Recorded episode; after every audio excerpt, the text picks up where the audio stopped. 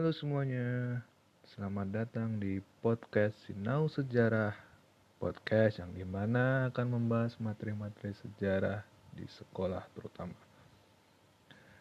Nah, di sini perkenalkan nama saya Oktani Bayu Pradana sebagai guru sejarah yang akan memandu dan akan memberikan materi tentang sejarah yang ada di pembelajaran di sekolah. Oke. Pada kali ini saya akan mencoba membahas tentang revolusi Rusia.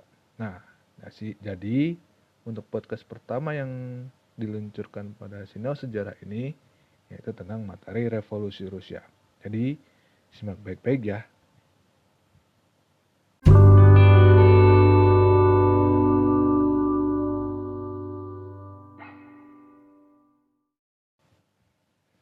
Revolusi Rusia atau dikenal dengan Revolusi Oktober adalah sebutan untuk serangkaian revolusi yang terjadi di Rusia pada 9, pada tahun 1917 yang bertujuan untuk menjatuhkan rezim Tsar atau yang biasa dikenal dengan raja. Tokoh yang terkenal di sini adalah Vladimir Lenin dengan didukung oleh kaum buruh, petani, serta tentara yang mendukung cita-cita revolusi. Nah, pada revolusi Rusia kali ini itu berlangsung dalam dua fase. Yang pertama, revolusi Februari tahun 1917, yaitu revolusi yang berhasil menumbangkan Tsar Nicholas II dan digantikan dengan pemerintahan sementara yang berhaluan moderat dan liberal.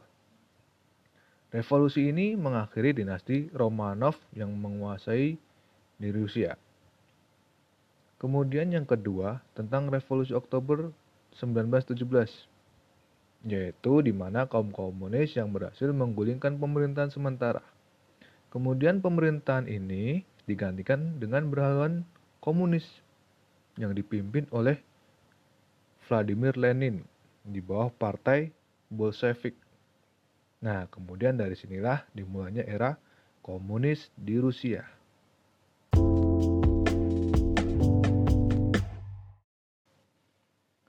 Latar belakang revolusi Rusia. Nah, latar belakangnya ini sebenarnya cukup kompleks. Namun, bermuara pada suatu, satu kesimpulan utama yang yaitu kemunduran Rusia dari segala bidang dan keyakinan pada sebuah ideologi baru. Nah, apa saja latar belakang terjadinya revolusi Rusia? Oke, simak beberapa faktor berikut. Yang pertama adalah tragedi Minggu Berdarah atau dikenal dengan revolusi 1905. Tragedi ini, tragedi ini diawali dengan mogoknya buruh, petani, dan melakukan long march ke istana Tsar Petersburg. Tuntutan mereka meminta keadilan dan perlindungan dari Tsar karena mendapatkan perlakuan semena-mena di tempat kerja. Namun, sampai di depan istana, mereka malah ditembaki oleh aparat keamanan yang dari istana Tsar yang korbannya mencapai seribu orang. Tragedi ini, tragedi ini di, mendorong dibentuknya Dewan Buruh yang disebut nantinya dengan nama Soviet. Tujuannya untuk melindungi kelompok buruh dan diketuai oleh seorang tokoh atau rekan Lenin yang bernama Trotsky. Kemudian yang kedua, keterbelakangan bidang sosial dan ekonomi. Sistem ekonomi yang diterapkan di Suriah gagal. Peralatan pertanian masih terbelakang, belum modern, usang, dan hasilnya kurang memuaskan, terutama bagi masyarakat pedesaan. Sarana transportasi juga tidak menunggu urbanisasi dari desa ke kota untuk masuk ke wilayah industri. nah, kemudian karena kawasan industri kemudian meningkat, namun tidak didukung oleh fasilitas umum yang memadai. Kemudian yang ketiga, berkembangnya sosialisme dan komunisme. Semakin merajalelanya sistem kapitalisme di Rusia, rakyat Rusia berusaha menumbangkan sistem itu dengan cara menerapkan paham sosialisme dan komunisme. Nah, tokoh-tokohnya siapa? Tokoh-tokohnya adalah Vladimir Lenin, L.D. Trotsky, dan Joseph Stalin. Kemudian latar belakang yang keempat, kekacauan ekonomi pasca Perang Dunia I perang yang mengakibatkan rakyat sengsara dan kelaparan. ketersediaan makanan tidak memadai, bahan bakar langka, harga bahan pokok tinggi, dan sektor industri juga lumpuh. Petani yang paling berat yang merasakan dampaknya yaitu harus mewajibkan setor 50% hasil panen ke tuan tanah serta bayar pajak. Kemudian yang kelima, kekalahan Rusia atas Jepang. Intinya, perebutan wilayah di semenanjung Liadong yang sebenarnya dimiliki Rusia itu, nah itu kalah karena ambisi Jepang yang uh, ingin menguasai daerah itu. Nah, akhirnya Rusia dan Jepang perang. Dan perang pun dimenangkan oleh Jepang. Nah, Rusia pada saat itu dipimpin oleh Tsar Nicholas II menjadi kambing hitam dan sudah dianggap tidak layak untuk menjadi penguasa. Karena kekalahan atas Jepang adalah sebagai simbol yang sangat memalukan bagi Rusia. Kemudian yang keenam adalah feodalisme. Sistem yang menguntungkan bangsawan dan tuan tanah yang diistimewakan oleh kerajaan atau dari pihak SAR. Sementara kelas bawah seperti petani, buruh malah semakin sengsara. Kemudian yang ketujuh, sikap konservatif dan otoriter Nicholas II. Sarar merupakan penganut pandangan bahwa kekuasaan raja berasal dari Tuhan. Dan karena itu melanggar berarti melanggar perintah Tuhan. Dan yang terakhir adalah munculnya tokoh-tokoh terpelajar. Kendati mengalami tekanan terus-menerus, keinginan untuk membentuk pemerintahan yang demokratis terus menguat. Sejak abad pertengahan, kaum intelektual Rusia telah mempromosikan ide-ide pencerahan seperti martabat individu, demokrasi konstitusi, dan hak atas keterwakilan. Di Rusia, tuntutan-tuntutan ini dikumandangkan dengan sangat kuat oleh kaum liberal, terutama kaum komunis dan kaum Marxis.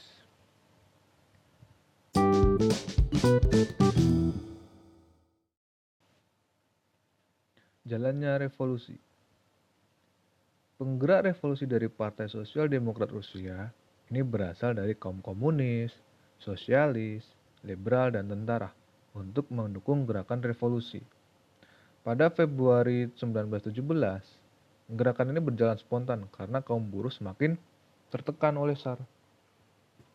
Sejumlah 385 ribu buruh, baik laki-laki, dan perempuan menuntut pemenuhan bahan pokok, perdamaian, kebebasan, dan reformasi pertanahan. Demonstrasi ini kemudian berubah menjadi kerusuhan dari pihak militer kerajaan dengan para demonstran. Nah, kemudian kerusuhan ini dimenangkan oleh kaum demonstran. Sedangkan kau dari kalangan SAR dan istana itu kemudian diasingkan. Nah, setelah itu partai koalisi pun dibentuk. Yang kemudian partai koalisi ini membentuk badan eksekutif dan sebuah majelis yang dipilih secara demokratis untuk mengisi kekosongan pemerintahan. Nah, kemenangan melawan dinasti Romanov ini kemudian sampai ke telinga salah satu tokoh yaitu adalah Vladimir Lenin yang kemudian memutuskan pulang ke Rusia. Nah, sebelumnya si Lenin ini uh, adalah pemimpin faksi Bolshevik yang kemudian diasingkan. Nah, pada saat yang sama Perang Dunia I sudah berkecamuk. Ya, di luar negeri Lenin dikenal sebagai anggota komunis yang anti perang. Nah, dengan bantuan Jerman, Lenin berusaha untuk memperlemah tekad Rusia untuk berperang. Akhirnya Lenin bisa kembali ke Rusia pada 1917. Nah, bersama Trotsky, akhirnya Lenin membentuk Partai Bolshevik. Nah, Partai Bolshevik ini tujuannya untuk meraih kekuasaan di Rusia. Dengan program-program yang radikal dan disusun dan istilah mengeluarkan tuntutan dengan semboyan roti dan perdamaian, kepada pemerintahan sementara. Akhirnya Lenin dan Trotsky selalu menekan kepada pemerintah sementara. Nah, apa itu nanti tuntutan-tuntutannya itu? Apa tuntutan dari semboyan roti dan perdamaian? Oke. Yang pertama, menghentikan perang melawan Jerman dan Austria-Hungaria. Kemudian yang kedua, tanah bangsawan atau tanah yang dimiliki para kerajaan, yang tanah yang dimiliki oleh para orang-orang dari kerajaannya atau orang-orang bangsawan ini diserahkan ke petani. Yang ketiga, bank-bank dinasionalisasi. Keempat, produksi dan hasil industri diawari buruh, tentara, dan polisi. Yang terakhir, yang kelima adalah birokrasi dihapus. Nah, langkah yang paling radikal yang dilakukan oleh Lenin adalah menuntut seluruh kekuasaan diserahkan kepada Soviet-Soviet karena pemerintahan sementara dianggap gagal. Yang dimaksud Soviet-Soviet di sini adalah pasukan-pasukan merah yang berada di atau yang mendukung gerakan Lenin di partai Bolshevik. nah, kemudian percobaan mengambil kekuasaan dari pemerintahan sementara dilakukan pada bulan Juli 1917 dengan masa 500 ribu buruh yang kemudian dikenal dengan tiga tuntutannya. Yang pertama, kekuasaan diserahkan sepenuhnya ke kaum Soviet. Kaum Soviet ini ya dari kalangan buruh, dari kalangan petani yang mendukung gerakan dari partai Bolshevik. Yang kedua yaitu diakhiri, diakhirinya perang melawan atau diakhiri dengan perang melawan diakhiri diakhiri perang dengan Jerman yang pada saat itu terjadi pada Perang Dunia ke-1. Yang ketiga yaitu 10 anggota kabinet yang mereka cap kapitalis harus mundur. Jadi ada 10 anggota itu yang menurut Lenin dan uh, masanya itu dicap kapitalis itu dituntut untuk mundur. Nah, upaya itu yang dilakukan oleh Lenin dan masanya itu gagal untuk melawan pemerintahan sementara. Kemudian Lenin melarikan diri ke Finlandia, sedangkan Trotsky dipenjara. Tapi nanti di bulan September dilepaskan. Karena nanti Trotsky terpilih menjadi ketua komite militer revolusi. Nah, sementara ada salah satu tokoh yang bernama Alexander Kerensky terpilih menjadi pemimpin pemerintahan sementara di bulan Oktober tahun 1917. Nah, Lenin tidak tinggal diam. Lenin berusaha kembali ke Rusia dan mengumpulkan massa sebanyak mungkin. Akhirnya Lenin kembali ke Rusia dan bisa mengumpulkan massa yang lebih banyak lagi dan dapat mengambil kekuasaan di Petrograd dalam waktu 8 jam. Nah, akhirnya pada saat itu si Alexander Kerensky juga bisa dikalahkan dan Alexander Kerensky ini akhirnya mengasingkan diasingkan atau Alexander Kerensky ini ya kalau menurut buku melarikan diri gitu. Nah pada saat itu ketika terjadi pemerintahan atau pemerintahan yang kosong akhirnya Lenin diangkat menjadi ketua Dewan Komisaris Rakyat atau biasa dikenal dengan apa ya Dewan Peralihan dari kekuasaan pemerintahan Semat untuk membentuk pemerintahan yang baru. Nah, sedangkan Trotsky uh, diangkat menjadi komisaris perang dengan membentuk tentara merah atau dikenal dengan Red Army. Partai Bolshevik diubah menjadi Partai Komunis Rusia. Jadi partainya Lenin kemudian diganti namanya dengan Partai Komunis Rusia yang sebelumnya di Petrograd kemudian pindah ke Moskow. Nah, pada akhir tahun 1921, Lenin menetapkan kebijakan ekonomi baru atau New Economic Policy. Kebijakan ini intinya ada dua hal. Yang pertama, penyerahan hasil pertanian diganti dengan pajak berbentuk hasil produksi. Yang kedua, perdagangan bebas diizinkan kembali di pasar-pasar Demikian juga usaha pertukangan serta usaha kecil menengah dan swasta.